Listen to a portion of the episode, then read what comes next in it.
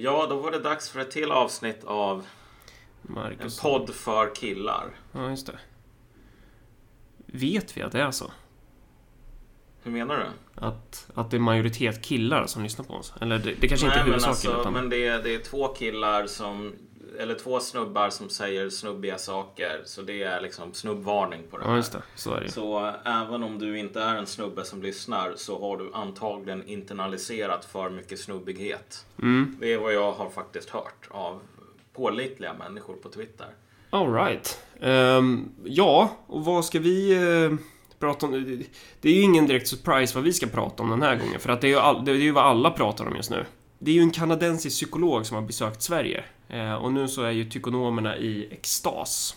För det här är det största som hänt sen, jag vet inte vad, sen man upptäckte elden typ. Ja, alltså antalet hot takes från både höga och låga är ju, det är ju oändligt nästan. Ja. Alltså, alla måste hålla på och bara kommentera på det faktum att Jordan Peterson, kungen av alla snubbar här i Sverige, Vi kanske Ehm. rent av märker av en, en, eh, en förhöjd BNP nu till följd av den höga produktiviteten i, eh, hos ideologerna i kultursverige. Att man producerar så jävla mycket texter bara på grund av Jordan B. Peterson.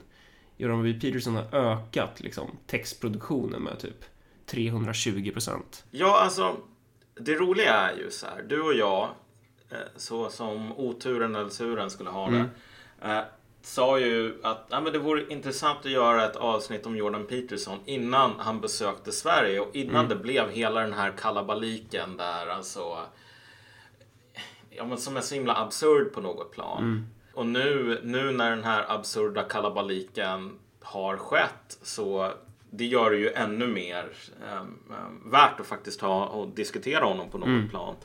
Eller snarare, om man ska vara så här dum och meta. Visst, diskutera Jordan Peterson en bit, men också diskutera varför den här diskussionen om Jordan Peterson ser ut som den gör och nästan aldrig verkar kunna ta slut. Ja, för att det intressanta är ju inte nu riktigt Marcus och Malcolm här.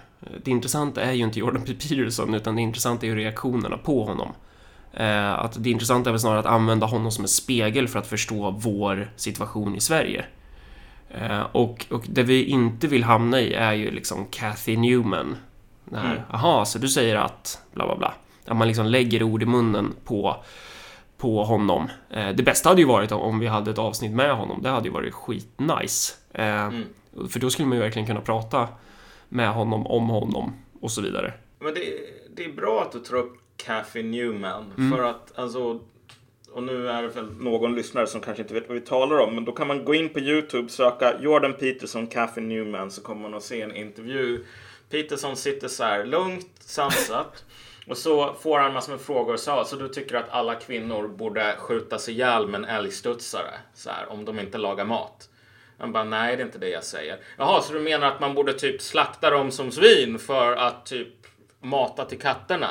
Bara, nej det är inte det jag menar. Och det, det, liksom, det fortsätter så hela intervjun ungefär. Bara, so you're saying, so you're saying. Och till slut så lyckats Kathy Newman hamna i ett hörn där hon bara säger någonting i stil med typ att ehm, Vad har du för rätt att eh, förolämpa andra, typ? Ja men precis. Vad har du för rätt att typ säga saker till andra människor? För det här är inne på typ alltså motstånd mot den här lagen i Kanada om att det ska vara olagligt och inte använda rätt pronomen. Vad har du för rätt egentligen att använda dig av ett språk som kan skada andra människor? Och han bara frågar så här. Alltså, den här intervjun där du lägger massor med ord i munnen på mig. Eller den här intervjun där som, som är, vad ska man säga, adversarial. Som är ganska ehm, hög temperatur på. Det här kan ju möjligtvis orsaka, orsaka mig någon form av känsla av att bli ifrågasatt och sådär. Men jag ser inte vad problemet med det skulle vara. Nu, nu går jag från minnet här, men det roliga är ju att hon blir ju totalt ställd. Vilket jag tror Kathy Newman sällan blir. Och så stannar intervjun i så här 90 sekunder medan hon tittar upp i taket och försöker alltså, få uh, marken under fötterna igen. Och jag tycker att den är så symptomatisk den intervjun för den illustrerar hela grejen med Jordan Petersons life story som så här superduper kändis. Att alltså det är ju så lite han som det handlar om. Inte för att han är en tönt, totalt ointressant, inte har saker att komma med eller något sånt. Utan för att det är så det är så sällan som men- ett snack om Jordan Peterson handlar om honom. Ja, och det händer så mycket runt honom på något sätt. Ja. Så han kommer in i ett rum och säger Hej, jorden är rund, jag tycker om mild hamburgerdressing. Och så, folk blir bara helt tokiga typ.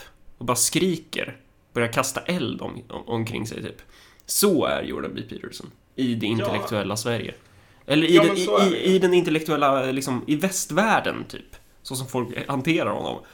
Eh, men vad fan, vad, vad tänkte vi? Ja, så han har varit i Sverige i alla fall. Eh, Ja, men precis. han kanske är kvar i Sverige. Vem vet?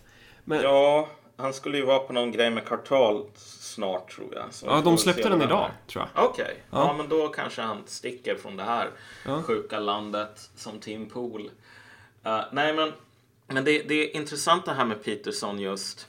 För eh, han har ju kommit lite grann in på scenen över en natt nästan. Mm. Han, han, det som han var berömd inom citationstecken för förut innan han blev en superduper kändis. Det var ju att han skrev såna här böcker som typ Maps of Meaning tror jag en av dem hette. Sålde kanske i 500 exemplar, vilket är ganska bra för typ en sån här fackbok av en professor som inte är riktad till någon massmarknad. Men liksom 500 exemplar per såld bok. Eh, och han kombinerar det här kristendom med Jung. Och så har han en del ganska intressanta föreläsningar på Youtube bland annat där han talar om så här Heroes Journey, hela den grejen. Så här symbolik, kristen symbolik genom Jung typ. Um, och om man hade bara pratat om kristen symbolik genom Jung, då skulle han inte ha blivit en stor grej. Men sen så var det så här att i Kanada så skulle man ju komma med den här lagen som gjorde det, skulle göra det olagligt eh, att inte använda rätt pronomen eh, på transpersoner. Och hans, jag menar, jag, jag vet inte om han skrev någon sån här debattinlägg eller något sånt, men han hade ju den här positionen ungefär att eh, det är extremt ohövligt att inte använda rätt pronomen till en transperson. Det är någonting som gör dig till ett svin. Men så här, det är ett farligt exempel att statuera att det ska vara straffbart. Därför att alltså, det pushar en gräns för... Nu, nu kommer jag inte ihåg exakt. Ja, äh, men det, det, det, precis. Han tycker inte man ska skriva in i lagen att Nej. man måste tilltala någon med rätt pronomen. Och det var då, då tyckte folk att, ja men det här, eller folk tyckte ju fan inte det. Folk gillar ju Jordan B. Peterson, men personerna inom eliten och framförallt då ideologiproducenterna tyckte ju då att det här är ju, det här är liksom den värsta formen av, av hädelse. Så här får man ju inte säga. Det är, Ja, ja, självklart alltså- ska det vara straffbart om, om man Det säger... rullar, det rullar igång ett standarddrev mot honom. Sånt där standard akademiskt drev som Mm. ger folk sparken. Och så vidare. Och de är jättevanliga nu för tiden. Så det var ju inte något unikt heller. Alltså. Mm. Nej. Men det, det intressanta här är ju att det här gjorde att hans popularitet exploderade Mm. mer eller mindre. Och nu, jag skulle väl tro så här att det skedde någon form av lite grann korsbefruktning mellan de här eh, det finns ganska många unga män som hänger på Youtube till exempel. Och så finns det massor med kanaler där som typ säger ja men typ samhället som vi lever i är trasigt på olika sätt. Och många av dem länkade väl till honom och så var det så att alltså, han fick i alla fall en väldigt enorm popularitet. Och sen så kom ju hela den här självhjälpsboken eh, 12 Rules for Life. eh, som blev en internationell bestseller. Och syftet där är väl, han riktar sig väl det kanske inte bara är riktat mot män, men det är väl många män som säger att de har fått hjälp genom Jordan B. Petersons så självhjälpsmetoder.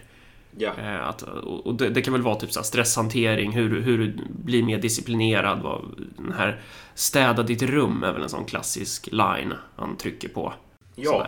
Ja. Här måste man väl säga självhjälpsgenren Mm. är ehm, en genre i sig. Det är ingenting, man kan inte gå en universitetskurs i så här hur jag skriver självhjälpsböcker. Utan i den genren så kommer folk in i det från massor med olika håll. Det kan vara någon som är typ någon sån här kristen eller buddhist skriver en självhjälpsbok på grund av att jag är buddhist. Någon som har överlevt någon olycka som skriver en på grund av att jag har överlevt en olycka. Och Petersons vinkel här är ju Ja men han kom ju från det här på någon så här psykologi plus typ någon sorts kristen traditionalism som är inte särskilt traditionell rent historiskt men, men, men så. Um, för jag ser ibland människor säga att, hur ska man säga, att den här självhjälpsboken representerar hans stora intellektuella värv. Det är det som han hållit på och slipat på i så här en 30 år och det är här som vi ser hans djupa ideologi. Bara nej. Alltså det är ju, det är någonting som han har skrivit som en utväxt på hans andra jobb som han har gjort. Mm. Men, men syftet är att hjälpa människor?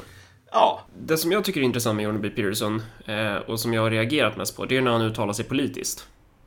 Eh, och också vad han säger om så marxism och socialism. Eh, och det där har ju du och jag snackat en del om, att det där...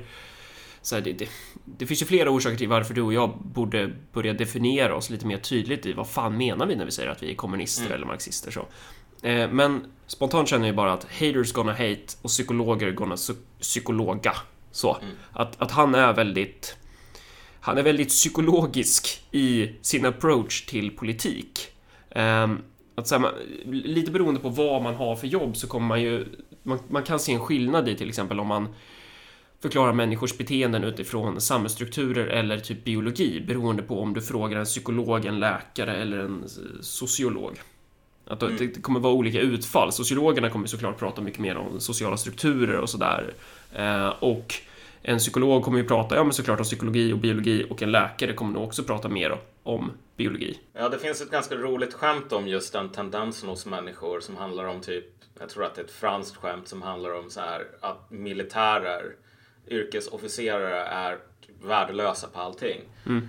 För det är så här, man frågar en officer i artilleriet, kan du, hur, hur, kan du förklara hur man skruvar in en glödlampa? Och så säger han, ja det kan jag. Och så typ förklarar han hur man Uh, ställer in typ siktet på en artillerikanon och sen så går man till någon som är i, i liksom pansarvärnskåren. Bara, kan du förklara hur man um, skruvar in en glödlampa? Och så bara ja, det kan jag. Och så förklarar han hur man startar en pansarvagn. Mm. Um, och det är så här, det spelar ingen roll vilken fråga man ställer de här. För du frågar du artilleriofficeraren någonting så kommer du alltid få svaret ut, liksom, utifrån hur man ställer in siktet på en artillerikanon. Mm. Och det är lite så med, med Peterson på ett plan. Alltså han faller ju in i det mönstret ganska enkelt. Mm. Och, det, och, och, det vi säger här nu, det är ju liksom... Det, ja, vi säger ju det påverkas av var man står.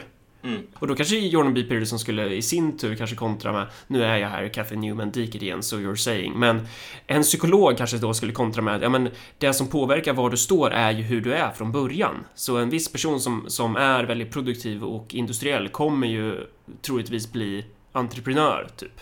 Att man har den där typen av eh, så här nästan biologistisk förklaring. Att det, det, det, det, det, det, nu stammar jag. Det tenderar att bli ganska mekaniskt. Ja, jo men precis. Och det finns ju vissa risker med det. Men samtidigt så kan det ju i, i någon mån så kan det ju säkert stämma. Mm, och, alltså styrkan är ju när du kombinerar de här. När du ja. fattar att ja, men människor är ju på ett visst sätt. Eh, människor har vissa biologiska grundprinciper. Eh, vi, alltså våra hjärnor är ju likadana som de var för 2000 år sedan ungefär. Eh, ja. Och de här hjärnorna kommer ju att reagera på omgivningen beroende på hur omgivningen ser ut. Så det är ju en en samverkan mellan samhället och människan. Så. Men det farliga är ju när man är antingen mekanisk i att samhället kommer forma människor så här, bam, bam, bam. Eller att människor kommer forma samhället så här, du, du, du. att man är väldigt så deterministisk. Mm. Eh, men, men det intressanta är ju sättet han definierar sig själv politiskt. För att han säger att ja, men jag är någon form av klassisk liberal och slutsatsen drar han ju utifrån vad jag har sett. Eh, det kan ju vara så att han utvecklar det här mer såklart, men han säger i alla fall att Nej, men jag är ganska produktiv och samvetsgrann. Och med det betyder det väl typ att man är ganska så här plikttrogen. Jag själv tror att jag är likadan ungefär. Att jag, mm. jag börjar klösa på väggen om inte jag får arbeta. Jag blir tokig om jag inte får liksom... Eh, om jag ska titta och, sitta och titta på Bonde söker fru, typ, då får jag panikattack. Liksom. Att det är så här, jag måste få något gjort. Och får jag inte något gjort så mår jag skitdåligt. Eh, och sen så säger han han är väl, jag vet inte om man säger open-mindedness eller något sånt där Att han är... Det är några andra typ så här, psykologiska attribut så, som han menar är konstituerar honom som liberal, medan det här med att han är produktiv och samvetsgram gör honom till konservativ. Och bara den analysen av politiska positioner är ju, är ju psykolog gonna psykologa. Sen behöver inte det vara fel. Mm. Det kan ju absolut vara rätt, men det beror ju liksom på vad är det vi ska använda analysen som verktyg för? Vad är syftet? Så analysen kan ju säkert vara väldigt användbar i vissa sammanhang, men helt värdelös i andra. Och så brukar det ju vara med analyser. Detsamma gäller ju klassanalys också. Ja, alltså jag ser ofta ganska många människor som försöker, du vet, Därför att av någon anledning så är människor extremt, alltså automatiskt investerade i att visa att Jordan Peterson har fel om vad då? Om Ja, allt. ja exakt. Eh, och så här, men är det någonting specifikt du tänker på? Bara, nej, om Nej. allt. Så här. Men, men då brukar man gå på det här. Jo, men han har det här bara. I'm high in conscientiousness. Och så säger man att jo, men vet du vad, finns det inte problem med den där modellen? Och det finns det ju säkert. Och man kan komma med ganska starka argument till varför den här modellen missar saker. Men men det som slår en är ju att den sortens såna autistiska argument för typ så här, varför det finns en miss i den här hummerliknelsen som han gillar att dra. Ja.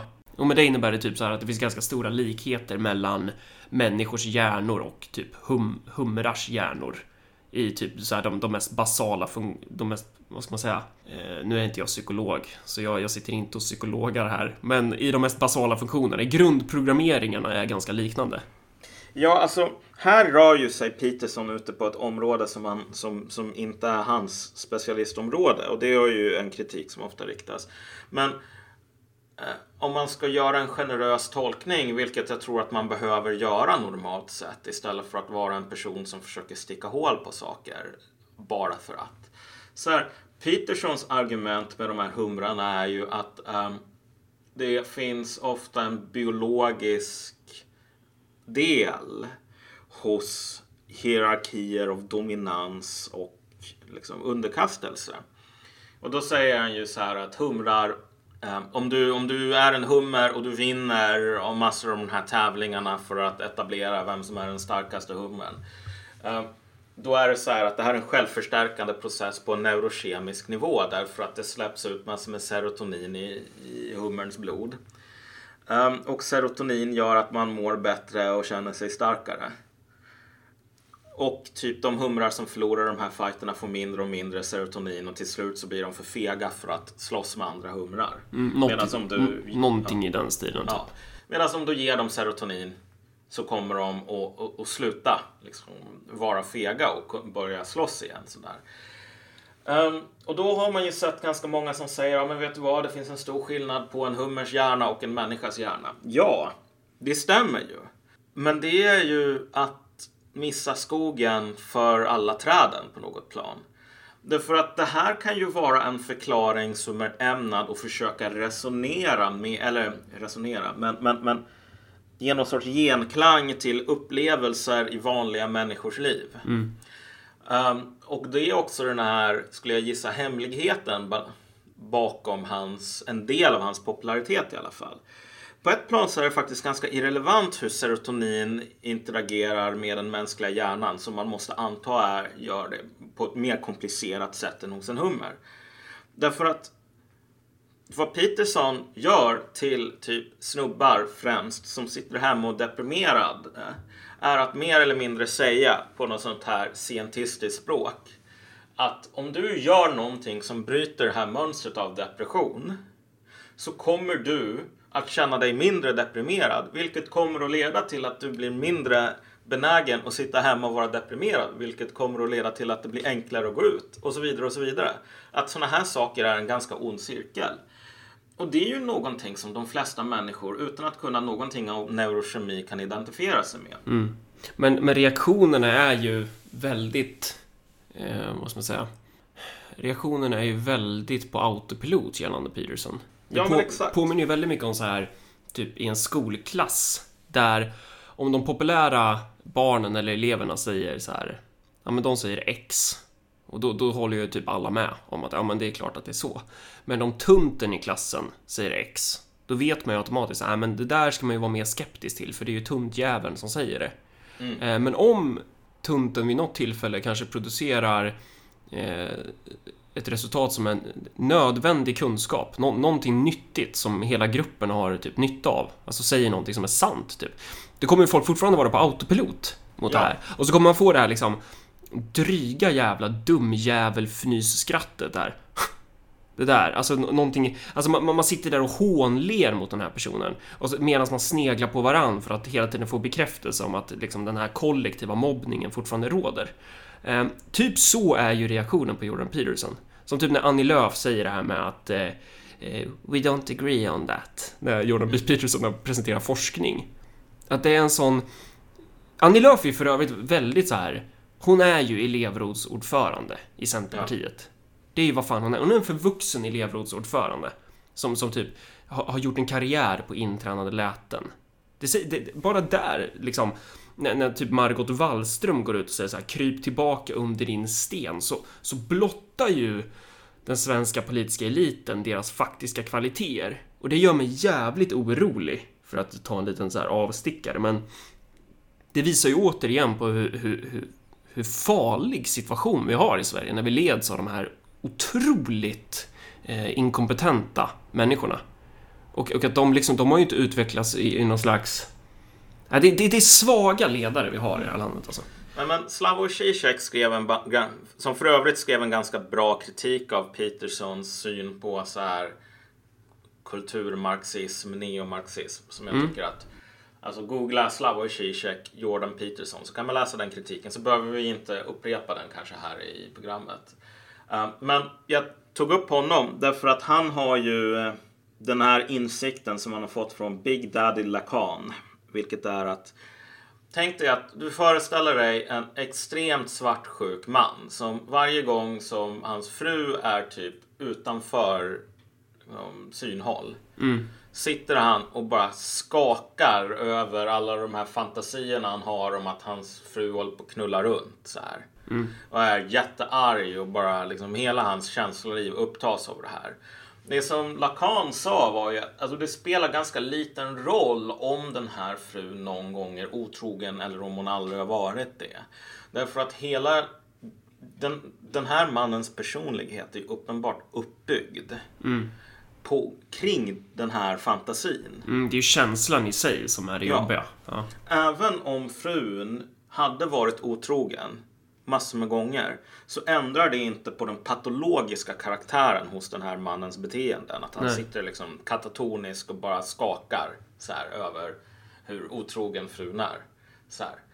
Ehm, och ja, det som slår mig här är väl att det finns någonting liknande som pågår här i, i, i termer av så här Petersons roll rent konkret. Alltså väldigt få av de sakerna som han säger i, i sig är egentligen superkontroversiella och om du spolar tillbaks bandet en sån här 40 år tillbaks i tiden eller någonting då är ungefär de mest radikala sakerna som man säger det var någonting som alla accepterade mer eller mindre.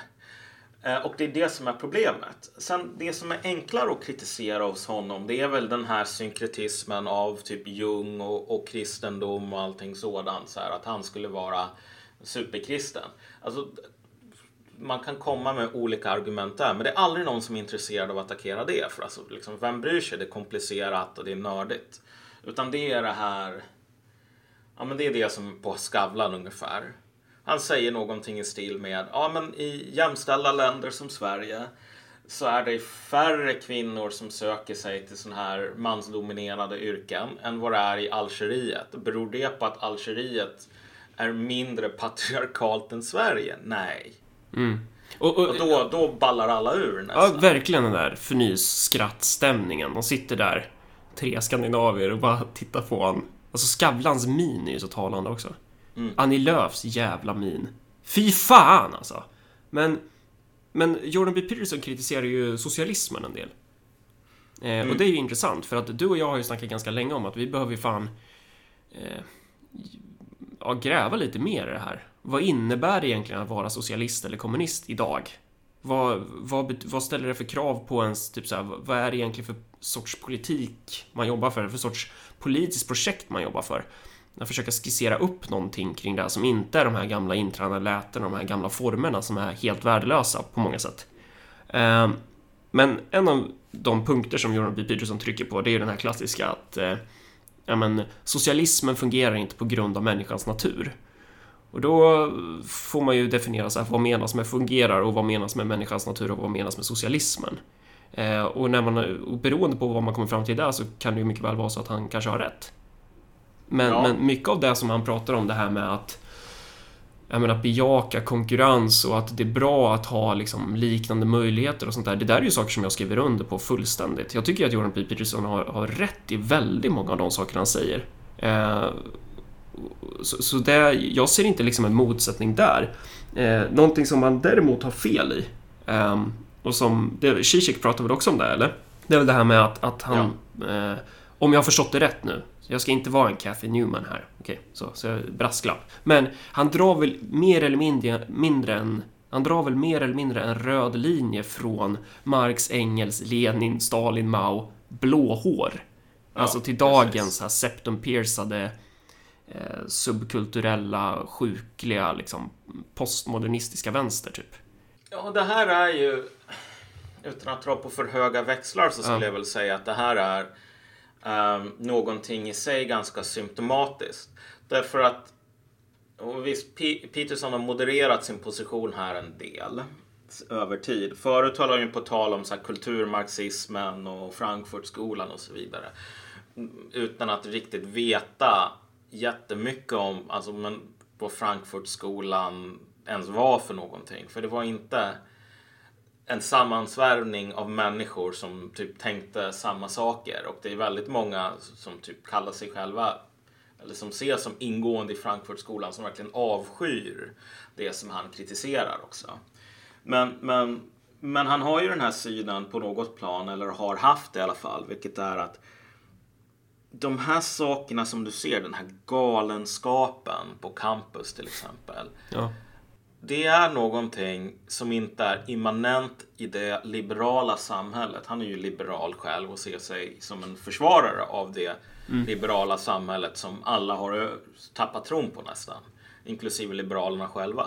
Mm. Um, men att det här är invaders from outer space på något plan. Alltså de, kom, de är inte en del av systemet, de kommer utanifrån, alltså som en virusinfektion.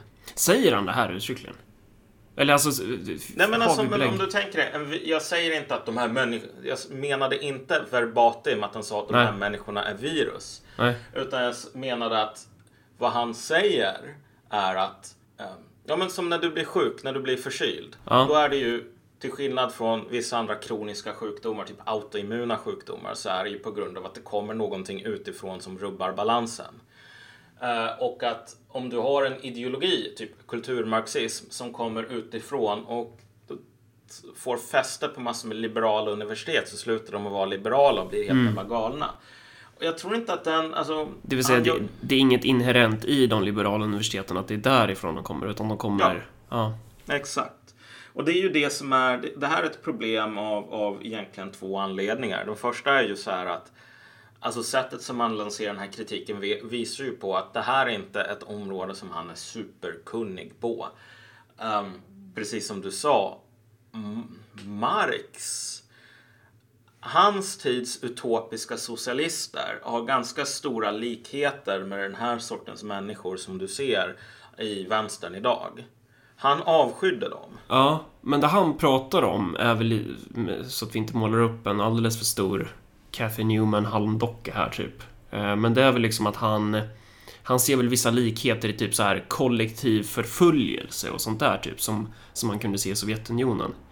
Men, men eh, oavsett vad så är det ju inte... Ja, ja, jo, men alltså, mm. men alltså det finns kollektiv förföljelse inom kristendomen också. Ja, ja, herregud. Uh, men, men den här, och spåra den här linjen från Marx till blåhår handlar mer om alltså en syn på jag menar, Marx har ju den här, en av hans kritik mot sin tids blåhår är ju så här, alltså de som kallades true socialists. De vill utgå ifrån en människa med stort M, alltså en, en, en, en metafysisk varelse, nästan en idealtyp. Um, och de hatar de här människorna som faktiskt finns med sina drömmar om att typ fixa ett större hus eller något mm. sådant. För det ska man inte bry sig om, man ska bry sig om ideal. Man bara säger att alltså, det är jävla clowner. Mm. Man måste utgå, om man håller på med politik, så måste man utgå ifrån människor med litet m. De som lever, arbetar, älskar, dör runt omkring dig. Inte någon fantasimänniskor som bara bor uppe i din, ditt huvud. Fråga dig själv, alltså de här blåhåren, vilken av de här kategorierna människor är de intresserade av? Mm. Och det tåls ju att återkomma till det här. Eh, men en grej som är säkert är ju i alla fall att jag tror att en och annan som är helt säker på att Jordan B. Peterson är, han har alldeles rätt om liksom, i sin kritik av socialismen. Det är så jävla enkelt att socialismen i sig själv är helt oförenlig med människor, typ. Eh, de har ju suttit och fnyskrattat åt oss nu, ungefär som Annie Lööf sitter och drar på smilbanden i Skavlan i Jordan B. Peterson. Ja, men då får de väl göra det. Jag tycker ja. så här att det problematiska här med den sortens attityd som jag till exempel Peterson har haft, det är så här. Den här går inte långt nog i kritiken. Mm. Jag menar, tänk dig den här kritiken som Cathy Newman har av Jordan Peterson. Så här att han vill, jag vet inte vad, uh, förslava alla kvinnor och typ mata dem till katter om de inte lagar bra ostmackor. Så här. Är det en bra kritik av Jordan Peterson? Eller är det en bra kritik av något liksom, troll som bor uppe i Cathy Newmans skalle? Självklart är det det sistnämnda. Mm. Um, och personen Jordan Peterson är mycket mer intressant än det här trollet som bor uppe i Jordan Petersons huvud, eller Cathy Newmans huvud. V vad är Jordan Peterson då? Är Jordan Peterson fascist? För han, han har ju typ målat ut som det. Fast i och för sig, det, du och jag har ju också målats ut som fascister så det kanske är... Men eh, om man ska säga vi har ju redan pratat om så här att han, han, han definierar sig själv som klassisk liberal typ. Ja. Eh, och jag skulle vilja säga att för han pratar utifrån en kanadensisk eller amerikansk kontext. Alltså om han hade varit i Sverige hade det varit så jättekonstigt om han hade hamnat någonstans i gråsossespektrumet. Eller kanske som en kristdemokrat som vill ha en välfärdsstat. Han är en ganska så här eh, moderat variant, typ. Om man säger så. Ja, men exakt. Och, och återigen, folk är ju så otroligt intresserade av att jaga efter de här fantombilderna ungefär. Ja. Så att de aldrig... Alltså vad han tycker i sig, alltså som Jordan Peterson, människan med litet m, är irrelevant. Det är människan med stort m som har fantiserat ihop som man vill hålla på att attackera. Um, och det som man kan säga om honom är ju att Visst, de här sakerna liberal och konservativ har ganska skiftande bemärkelser och det beror på vilken tidsepok man talar. Men alltså, han är ju ungefär en person som tycker samma saker som det var liberalt att tycka för en 50 år sedan. Mm. Och han har också, eh, tragiskt nog för honom, om inte annat, en stark tro, verkar det som, på, du vet, alltså upplysningens ideal. Ja, men, jag vet att Åsa Lindeborg har ju skrivit en del artiklar om att så här, ingen tror på upplysningens ideal längre. Varför då? De är fan ganska bra. Alltså, där har väl de någonting gemensamt på ett plan. Att så här, liberalismen trodde ju också på upplysningen. Alltså den här synen på kunskap till exempel. Mm, på rationalitet och... Ja. ja. Men det har, ju, det har ju de flesta kastat totalt över bord idag. Mm. Uh, på ett plan så är du nästan inte liberal om du tror på det som liberaler trodde på 40 år sedan. För nu tror liberaler på någonting annat. Mm. Så att han är uh, kusinen från landet som inte riktigt har förstått hur saker och ting går till nu.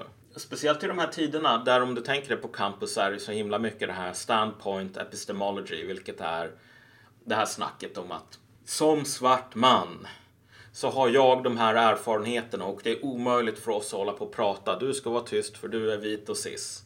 Så här. För kunskap kan bara komma på något sånt här emotionellt plan från den egna levda erfarenheten. Kunskap är ingenting som man kan skriva ner, tradera, diskutera. Så. Alltså den synen är ju jättevanlig idag. Och den är han ju verkligen en motståndare till.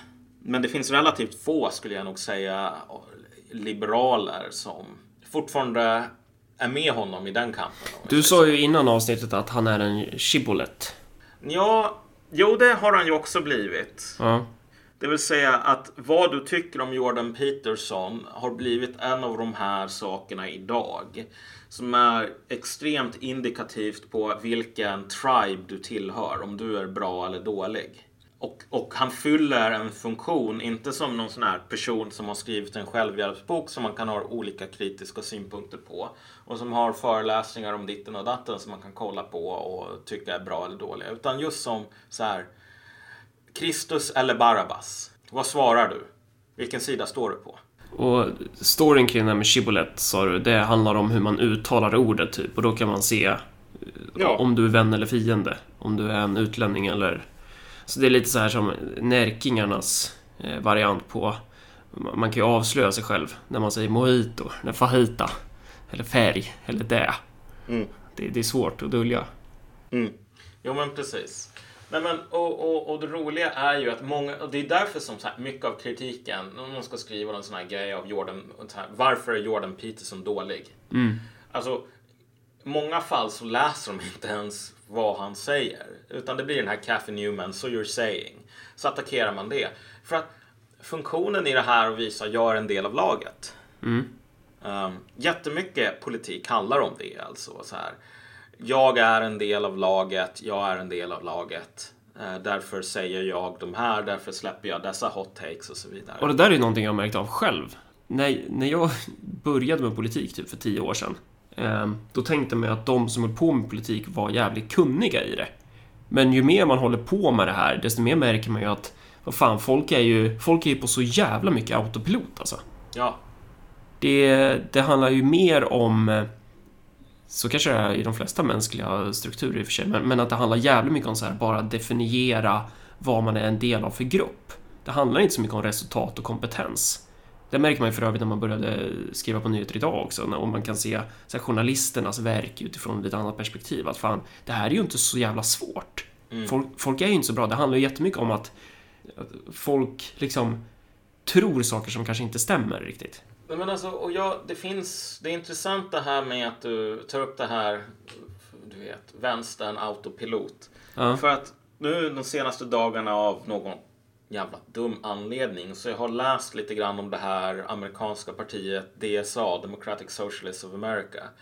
Det är jätteintressant för vad som har exploderat på sistone är alltså, det har kommit ett nytt skällsord på banan som är strasserist. Det har ju vi kallats flera gånger. Ja, alltså men den svenska versionen som jag har sett det är ju den här Nils Flyg så. Ja, men statististerna alltså, var ju nass...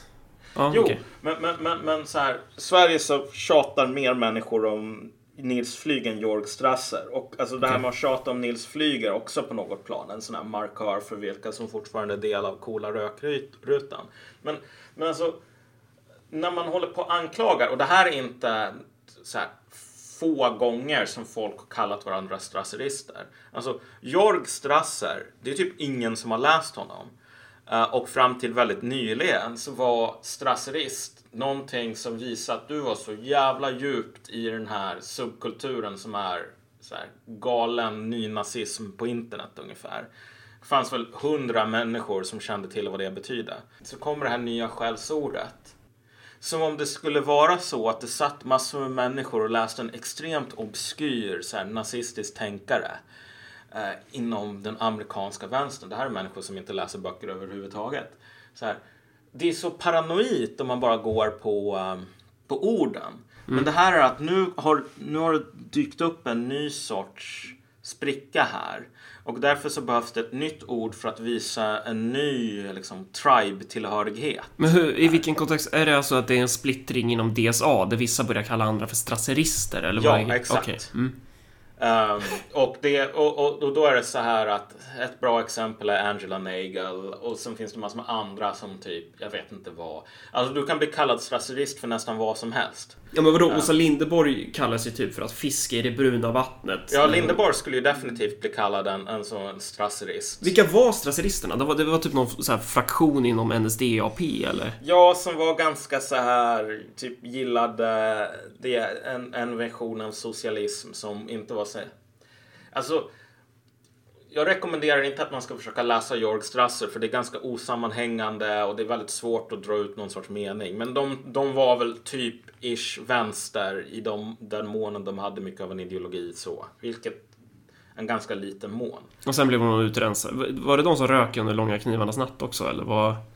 Jag kommer inte ihåg när det var de rök, men de rök ganska tidigt faktiskt. Okej. Mm. Men bara den här idén om att det finns massor med människor som sitter, du vet, hem, i hemlighet och läser Jorg Strasser för att typ ta över vänstern. Bara nej. Ja, ta över det stora masspartiet DSA. Ja. Ja, och som du sa så här, om Åsa Linderborg var amerikan då skulle alla bara hon är strasserist, hon är strasserist, alla vet det nu. Och så här bara nej, Åsa Linderborg sitter inte och läser Jorg Strasser och det gör ingen annan som gör heller för det är ett slöseri med tid. Men att det här ordet exploderar är ju på grund av att nej men nu har du eh, subkulturen är hotad. Konsensus är hotat. Vi måste ha ett nytt namn för dem som vi ska kasta ut. Så. Mm. Eh, ja, det är ju egentligen du som sa det här, men att, att Jordan B. Peterson är en del av the intellectual dark web, vad nu det innebär. Eh, men, men det är typ så här personer som, som kanske inte uttrycker sig ungefär så som de mainstream-tänkarna uttrycker sig. kanske. Ja, alltså vi behöver inte gå in allt för långt på det, men man kan Nej. söka på intellectual dark web på Google. Så det finns en artikel i New York Times. Ehm, och oh my god, jag har den framför mig. Peterson tjänar alltså mer än eh, ungefär en halv miljon kronor i månaden bara genom Patreon. Ehm, wow, shit. Det är fan, det är lite mer pengar än vi får in på våran. Men Eh, nog om det. Poängen här är bara så här att Peterson figurerar ju i den här artikeln i New York, New York Times om Intellectual Dark Web och den framställningen som de har som när de ska förklara vad det här är för någonting är ju att det dyker upp fler och fler sådana här intellektuella som säger saker som leder till de här alltså shitstorms. Um, Peterson är inte ensam om det. Och många gånger så får de sparken, jobbar nästan alltid inom akademin, får sparken. Så går, beger de sig ut i vildmarken till typ Youtube eller Patreon eller någonting annat sådär. Och så kan de ofta bli ganska populära.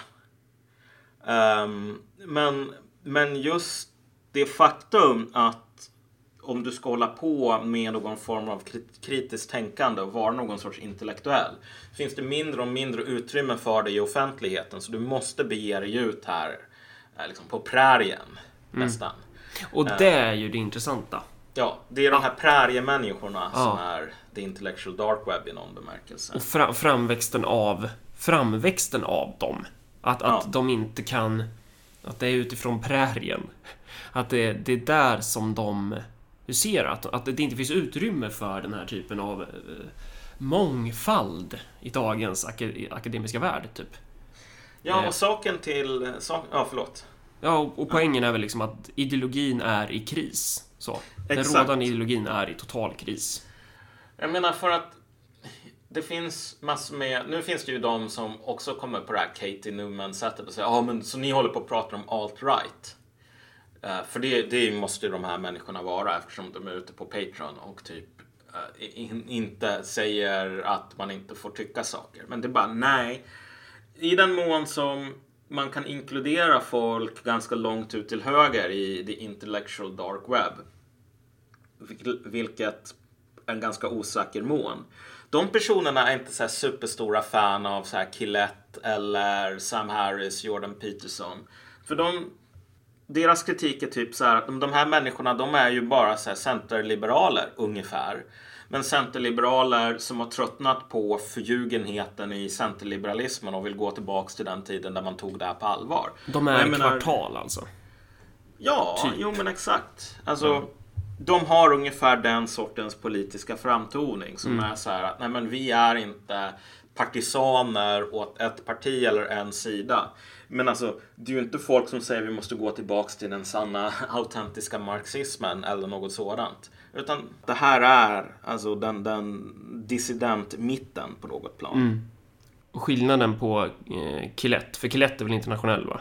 Ja, Ja, och kvartal är väl typ att kvartal måste prata om eh, Svenska Akademin i varenda jävla poddavsnitt. Som om någon, som om någon jävel bryr sig. Ja, Bolsemoj alltså. Påminn mig inte om, om... Ja, det är ju den här jävla akademin-grejen. Med risk för att låta som Kajsa Ekis Ekman, men jag tycker inte det här är intressant. ja, herregud. Jag borde fan ha sagt det när jag fick den frågan den där gången. Nej, men alltså usch. Lägg ner Svenska... Nej, vi, vi borde... Jag skrev ju det på Twitter. Vi borde... eh, Jockiboi, eh, Jonna och Chang Frick borde ju väljas in i Svenska Akademin. Då jävlar blir det åka av. Då får vi Ja. lite folklig kultur för en gångs skull. Det hade varit gott. Chang Frick bara... Jag var intresserad av kultur sen första gången jag hörde Onkel Konkel. Alltså nej, nu får jag... Det här är... Nu, nu är du lite för alltså, nära sanningen här. Men, men, men springare, han är ju liknande som Jordan B. Peterson. Han är också, inte då att han är psykolog och sådär, men att han är ju kontroversiell för han säger typ någonting som alla redan vet. Ja, men exakt. Och han fungerade ju också som en sån här shibboleth. Att, att typ, ett ett sätt att definiera sig, i alla fall för de här ideologerna inom, inom eliten typ. Nej, men definitivt. Varför tror du han fick alla de här blommorna egentligen? Så här, var det för att oj, du har kommit med en upptäckt som förtjänar någon form av Nobelpris för att alltså, du satt där framför i ditt labb och bara experimenterade med olika teorier och sen bara wow, kom du fram till att det kan ligga till så här? Bara, nej, utan det här handlade ju i slutändan, alltså, både den här responsen som var eh, lovebombning, responsen som var det här är fascism. Eh, kom ju ifrån att ja, men alla visste ju redan att det var så.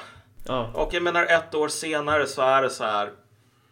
Har ju de stora tidningarna skrivit att typ eh, när det gäller gruppvåldtäkter till exempel så är den 70% födda utanför Sverige. Och sen är det ganska många till som är inte födda utanför Sverige men som har utlandsfödda Sverige, eh, föräldrar. Så här. Okej, den här grejen.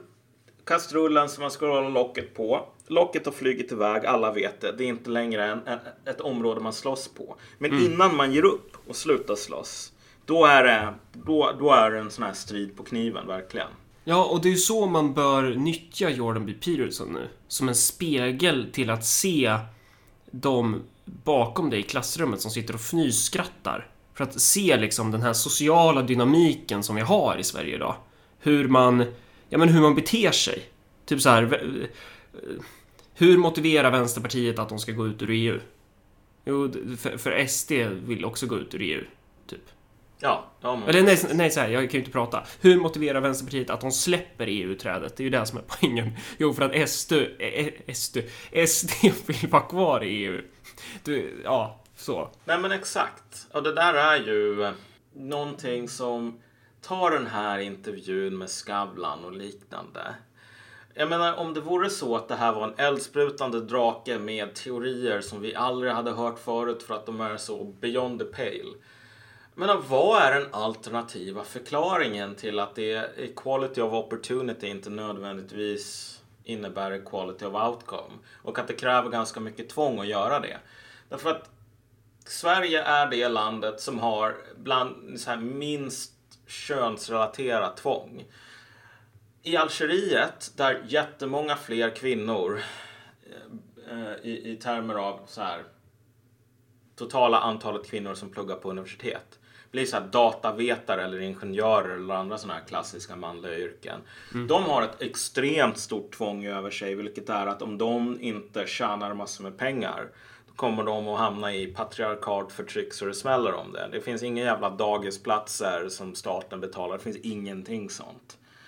Okej, du behöver tjäna pengar. Ja, men du blir ingenjör och du blir ungefär en lika bra ingenjör som alla män. Men när du inte har, du vet, något sånt krav på dig, typ prestera eller dö, tjäna pengar eller dö. Då i Sverige till exempel, eller Norge, så blir många fler dagisfröknar än ingenjörer. Och så här, är det här verkligen för att vi har så mycket mer patriarkalt förtryck? Vi har mer patriarkalt förtryck än i Algeriet, men det är så här osynligt. Nej, antagligen inte. Och alla vet ju det på något plan. Alla vet att Sverige inte är mer präglat av patriarkala normer än Algeriet. Men alltså det här är en fight som folk inte är beredda att ge upp än. Ja, men det som är symptomatiskt för dels Vänsterpartiet som släpper sitt EU-träde och de här som ska attackera Jordan B. Peterson och använda honom som en shibboleth, det är ju att de har ju ingen egen jävla analys, typ. Nej, så är det ju. Så är det verkligen. Och Äter du något? jag drack Red Bull. Okej. Mm. Ehm, Så här är det. Man kan typ ta och jämföra det här med en ganska intressant artikel som Linda Skugge skrev. Nu kommer jag inte ihåg namnet på det, men det var i Expressen. Mm. Och det var ju i samband med den här eh, kontroversen kring den här trad-bruden då. Eh, jag kommer inte ihåg vad hon heter. Tradbruden? Ja, men hon som är så här, du vet, traditionell Jaha, eh, eh, i det här Mad Men-sättet typ. Som skrev någon sån här kulturartikel om jag som tjej gillar att vara snygg och jag tycker att det är ballt att bli försörjd av någon eh, snygg hingst typ. Och, och så här, och folk, det blev ju en sån här liten mediastorm i tykonomin över det. Och eh, Linda Skugge var ju en av dem som skrev alltså, ett svar på det här. Och det tyckte jag var så himla intressant för det var på något plan inte att så här, du har fel, låt mig förklara varför du har fel. Resonemang A, resonemang B, resonemang C. Så här, slutsats D. Utan Linda Skugge skrev nästan en sån här dödsruna över sitt eget politiska värv. Så här, att, typ, vad har hänt? På 90-talet då trodde vi tjejer inte så här. Vi läste Nina Björk och dyrkade henne som en gud. Vi ville förändra hela världen. Och nu är det ingen som tror längre. Alltså, det påminner om att läsa en så här batpartist på 80-talet som sa Fy fan vad jävla ballt det var att vara arabnationalism. Så här 61. 20 år senare, alltså vad är det som har hänt? Vi, du vet, historien har rört sig vidare. Alltså det var verkligen den grejen. Och det är väldigt fascinerande just på grund av att så här, man har inte längre bra förklaringar. Man har en teori som man verkligen trodde stenhårt på på 90-talet. Men man inser själv att alltså, folk tror ju inte på den längre. Och det är inte bara på grund av att du vet, okej, de har inte hört vad teorin är. Om jag berättar vad teorin är, då kommer alla börja tro på den igen för att den är så jävla bra. Utan man inser ju själv att så här, någonting i dess värde att övertyga har försvunnit. Det är jättesvårt i Sverige att säga att du vet, vi har fortfarande patriarkala strukturer. Typ, vad är de? Patriarkala strukturer, om man med det menar, du vet, alltså män som typ kontrollerar olika sociala samhällsfunktioner och, och genom sin makt håller kvinnor borta.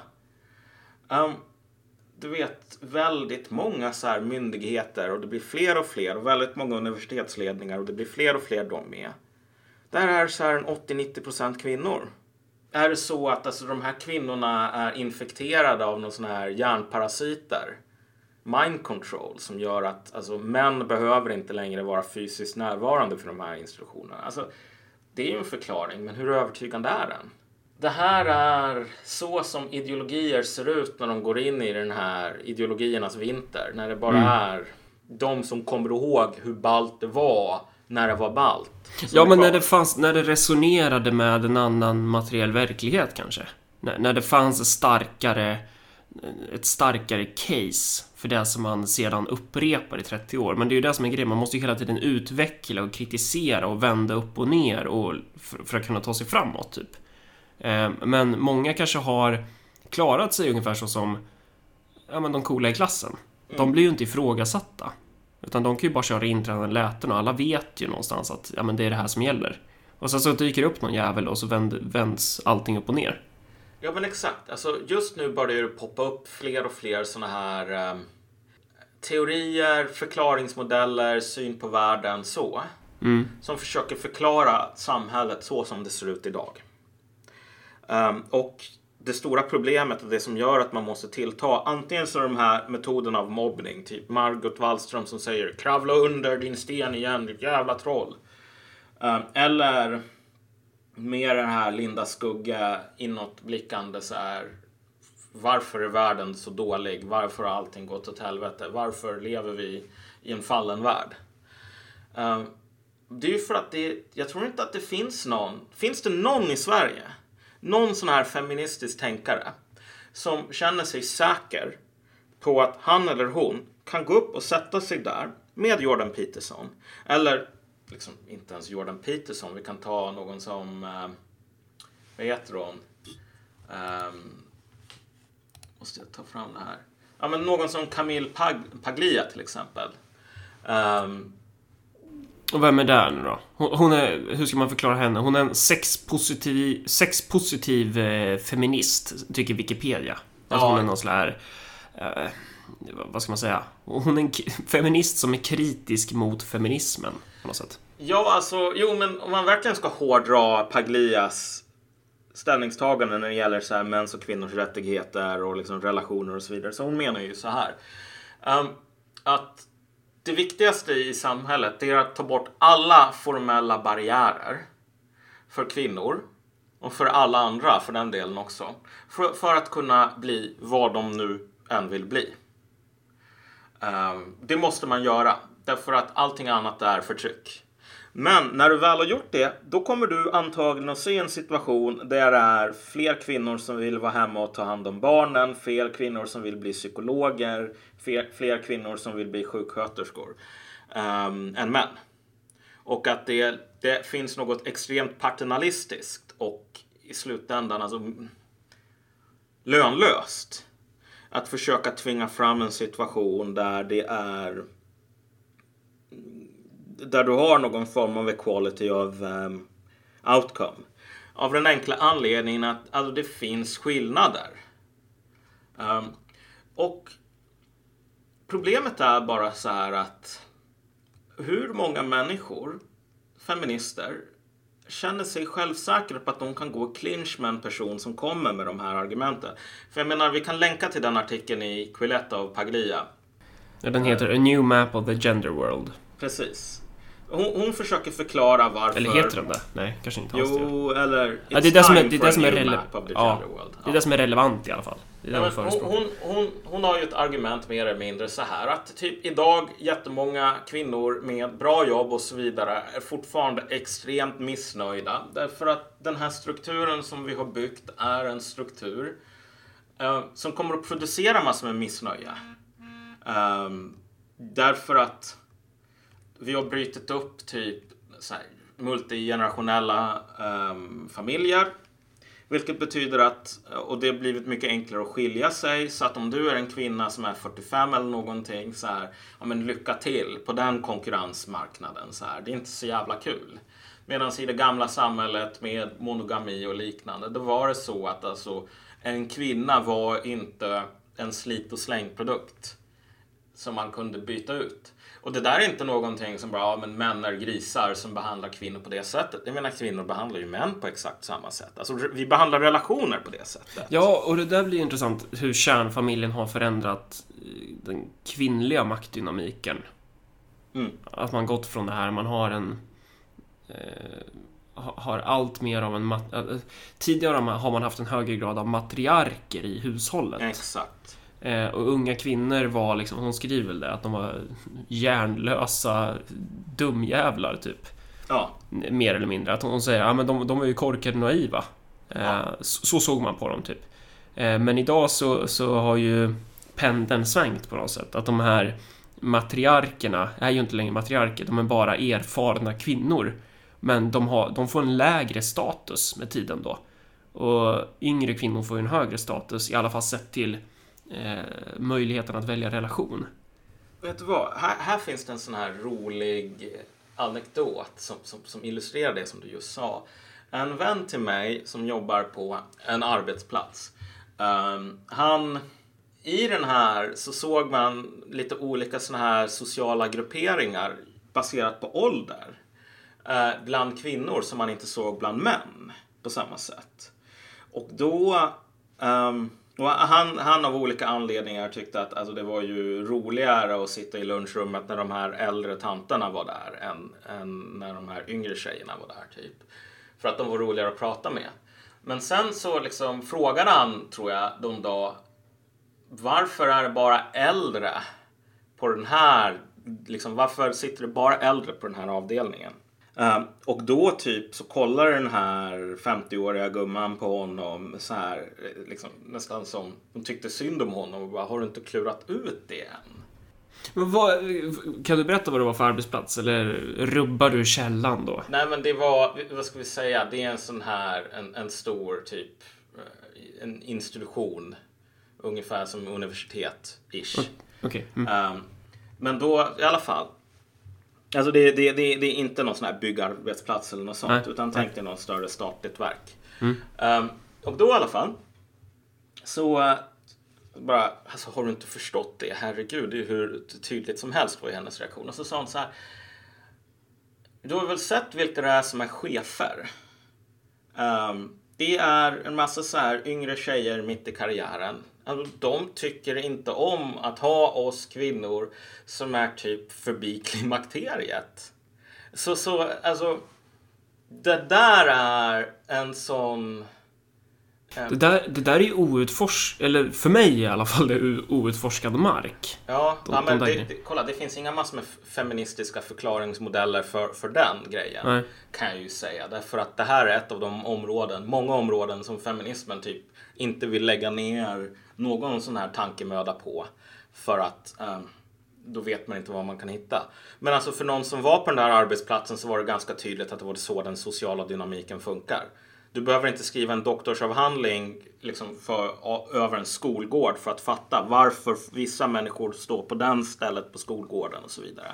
Utan folk, ungar förstår ju det naturligt. Men, men bara den grejen att din polare är intresserad för det där. Mm. Det är ju också intressant för att, för att genus som eh, analysmodell typ, eller kön som analysmodell är ju inte avhängigt den här intränade läten-feminismen, utan den har ju också blivit etablerad. Ja, Och det är ju intressant om man då ska försöka se på att eh, se hur fan fungerar det egentligen idag.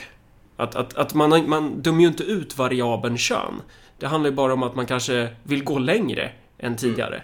Nej men exakt. Men, men det roliga med anledningen till att jag tog upp det där med den här åldersdiskrepansen och att den här kvinnan själv uttryckte det som att, ja men vet du vad, om du är förbi klimakteriet så finns det inte massor med, alltså unga kvinnor vill inte umgås med dig. De tycker att alltså, du borde skyfflas bort till något hörn. Är ju att det här är ju raka motsatsen till hur alltså, kvinnlig status har funkat sen fucking forever. Alltså, gå tillbaks de senaste 10 000 åren så har det varit så att den kvinnan som har mest status är den kvinnan som är äldst. Och den statusen kommer inte från att du vet, jag har en fungerande livmoder eh, och jag är snygg. Utan den kommer ifrån, du vet, unga kvinnor är dumma i huvudet, det är jag som bestämmer. Det är jag som typ är den här gudfadern på något plan, fast typ för kvinnor. Och den, man har totalt avskaffat det. Totalt. Utan nu är det det här Annie Lööf-idealet som är idealet på något plan. Alltså så här, eller Ebba Busch Thor. Ju yngre du är, desto mer du är cool och populär, desto finare är det. Men vad som händer med de här coola och populära och yngre, eller så här 35-åriga yrkeskvinnorna. Det är så här, när de kommer upp och är 60 år gamla. Det finns ingen sån här gudfaderstol som väntar hos dem, åt dem. Utan du kan bli extremt ensam. På ett sätt som alltså var mycket svårare för en kvinna att bli förut. I termer av så här, ett socialt sammanhang. Det är ju, kolla. Det, kan, det här är Paglias teori. Den kan ju vara 100% fel.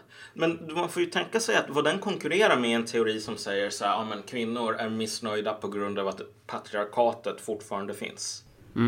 Okej, men vilka är patriarkerna här? Vart finns de? Hur arbetar de?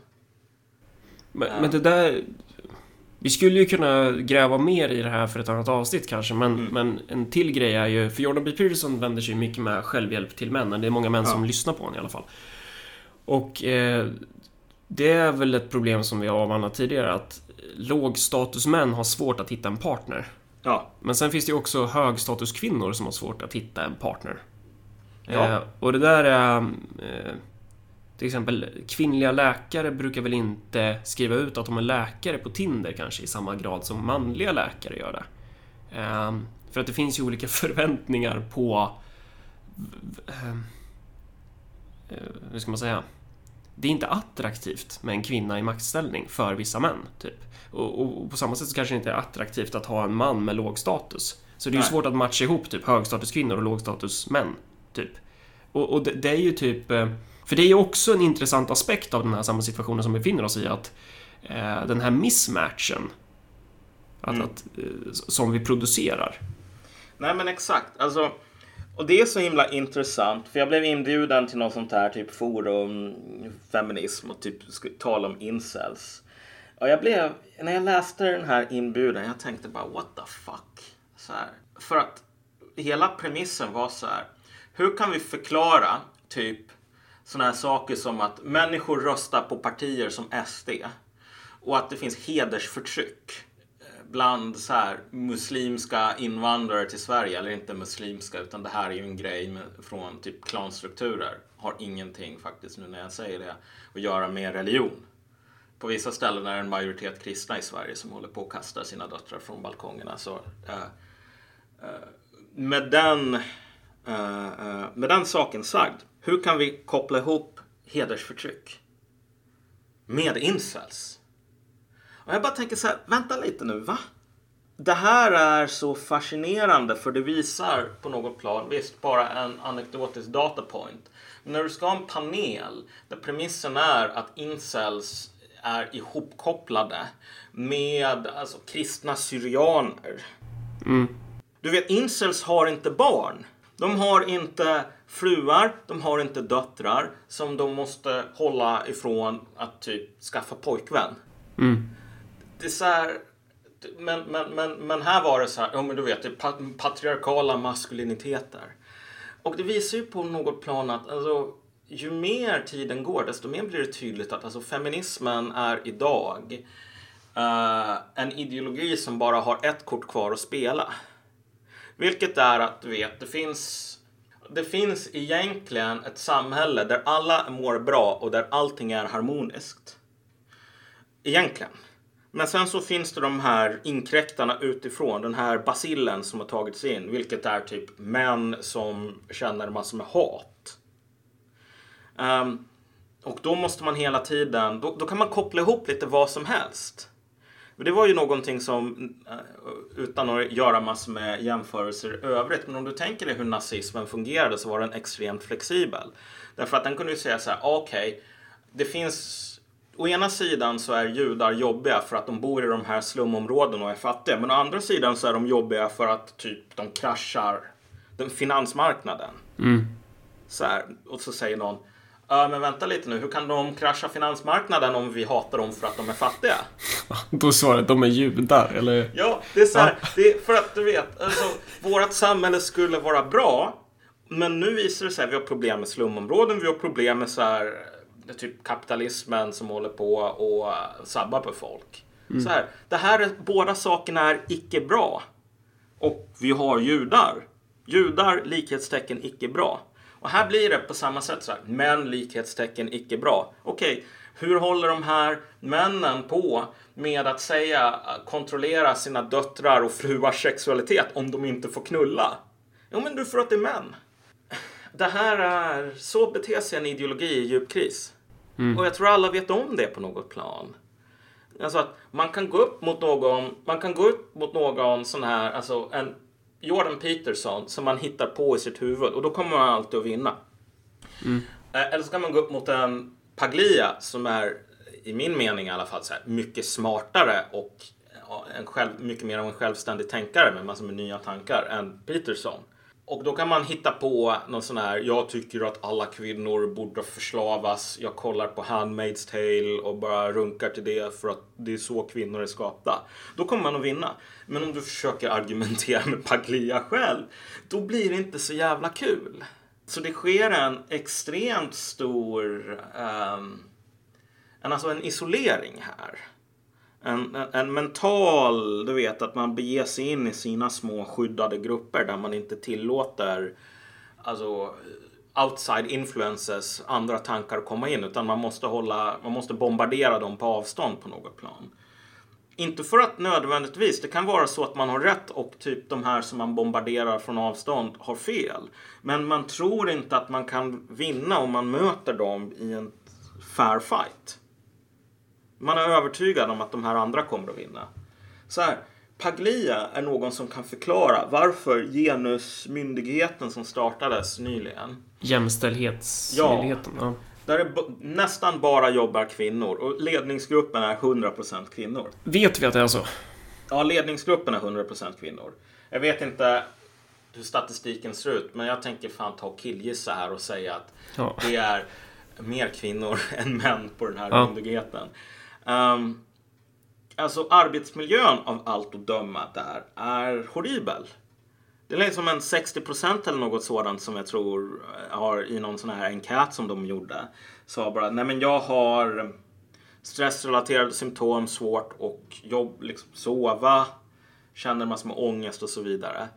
Paglia skulle kunna förklara det här på ett sätt som inte kräver att vi antar att det finns massor med män, du vet, typ SOG, bakom kulisserna som håller på att dra i trådarna här och tvingar de här kvinnorna att bete sig så för att alltså, patriarkala ockupationsregeringen har Ja, befallt och, dem. och nu när du håller på och killgissar så tänker jag, då, du antar ju här att den här dåliga arbetsmiljön också beror på att det är övervikt kvinnor då. Förutsatt att det nu är övervikt kvinnor på arbetsplatsen till att börja med. Ja, Att det- exakt. det- men det är din tes. Ja, Ja. det är min tes. Och jag har den tesen inte bara för att du vet, jag är en man som hatar kvinnor. Nej, nej. Utan för att Arbetsmiljöverket har ju mätt det där och visat att alltså, arbetsplatser där du har nästan bara kvinnor på är arbetsplatser med större arbetsmiljöproblem. Vet man vad det beror på då? Alltså, det här är en sån där grej som om vi hade en, eh, eh, ideologier som var intresserade av att ta reda på hur saker och ting funkar i världen. världen då skulle ser- vi veta det här på, på ett sånt här empiriskt vetenskapligt sätt. Mm. Och som jag vi- säger, jag säger Ja. ju inte att, att det är helt otänkbart att det kan bero på eh, att det bara är kvinnor på arbetsplatsen. Jag, jag, jag är bara intresserad av att veta vad man vet och inte. Ja. Alltså just nu så det här är ett sånt här område som ingen forskar seriöst på. Men om du frågar människor på så här anekdotiskt plan. eh, så här. Hur många, de, de flesta skulle jag nog säga här kommer att säga nej men vet du vad det är på grund av att så här, kvinnor beter sig annorlunda internt än män beter sig internt. Att det är väldigt mycket mer tjuvnyp och härskartekniker och intriger.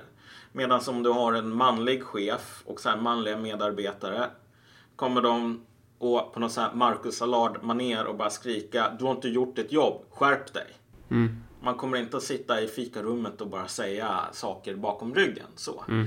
Och att visst, typ in, hashtag inte alla kvinnor, självklart. Behöver nästan inte ens påpekas. Men så på en aggregerad nivå så är det nog mycket möjligt att alla de här anekdoterna och den här, alltså vilket, det som i princip är sunt bondförnuft idag. Som du kommer att läsa på DN. Att, ja men vet du vad, kvinnor är bra på att vara elaka mot varandra. Att det har mer att göra med den här eh, mil- arbetsmiljöproblemen. Än att det på något plan är att alltså, ju mindre män det finns desto mer ställer männen till med problem genom så här, patriarkala subversioner av systerskapet. Och när det inte finns några män då är den manliga dominansen total. Alltså, det låter inte som en övertygande förklaring. Och en tredje förklaringsmodell kan ju vara att just den arbetsplatsen, eh, att det bara är en massa jävla psykopater där typ. Eller att, fast då kanske de inte hade mått så dåligt i och för sig. Men att, att, vad? att Men det är liksom... vad? Det Men- var ju det men vi det- redan sa. Vi sa ju att det bara var kvinnor på arbetsplatsen. Ja, Hö, hö, hö, hö. Men, ja.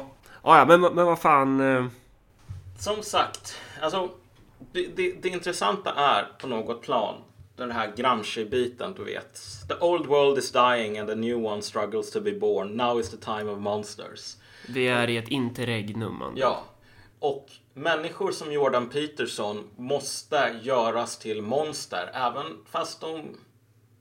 Om man kollar på deras föreläsningar, alltså det, det är inte så mycket svavel, osande, eldsprutande grejer de håller på med. Inte jättemycket i alla fall. Men vi måste ändå göra dem till de här superfarliga personerna. Precis som du vet, Peter Springare är någon form av så här galen nazist med någon SS-uniform i garderoben som typ Och- och- hatar alla som inte heter Kjell. Och, och det är ju också så här hur, att man, alltså användningen av, av begreppet kontroversiell. Ja. Alltså att de, de här journalisterna, de sitter liksom på allvar och tänker när de skriver den där jävla ingressen bara Nu ska jag använda ordet kontroversiell. Mm.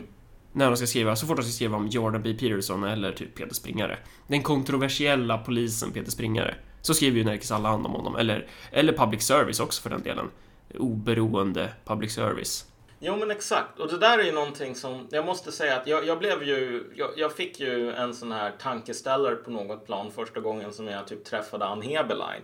För jag hade ju hört så länge att det här är en så här eldsprutande, barnätande häxa som flyger till Blåkulla och typ kommer tillbaks med någon sån här haubits för att skjuta eh, så här fattiga människor med. Ja, på, ja. Och så här, och sen så träffar man henne och så är det, man är ju så himla besviken för typ var är haubitsen?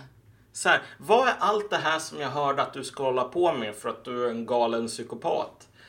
Ehm, och det är då som man bara inser hur mycket som är den här, för att låna från Zizek, pure ideology. ja. Liksom. Att det är så mycket ideologi som ligger i, i, i de här spelade rollerna som vi, som vi ger till folk. Mm. Ehm, och många gånger så är faktiskt de där maskerna, de där rollerna mindre intressanta än Varför vi ger dem.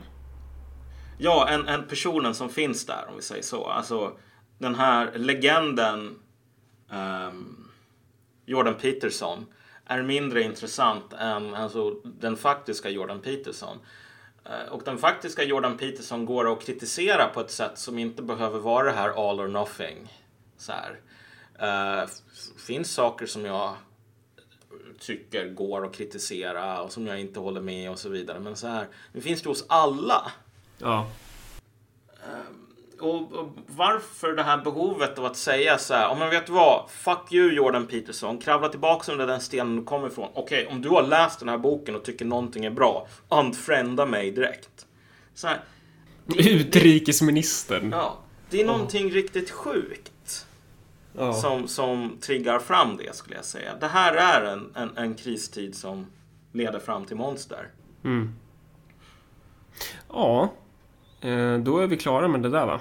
Ja, Då säger vi något om Patreon. ja men Eh, precis.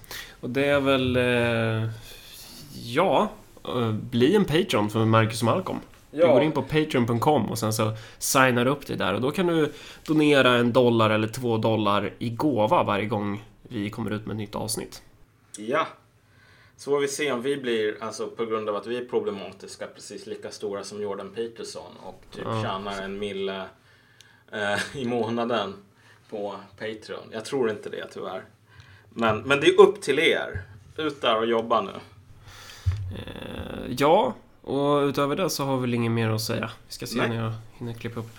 Okej, ja, ha det bra. Hej, hej, hej, hej.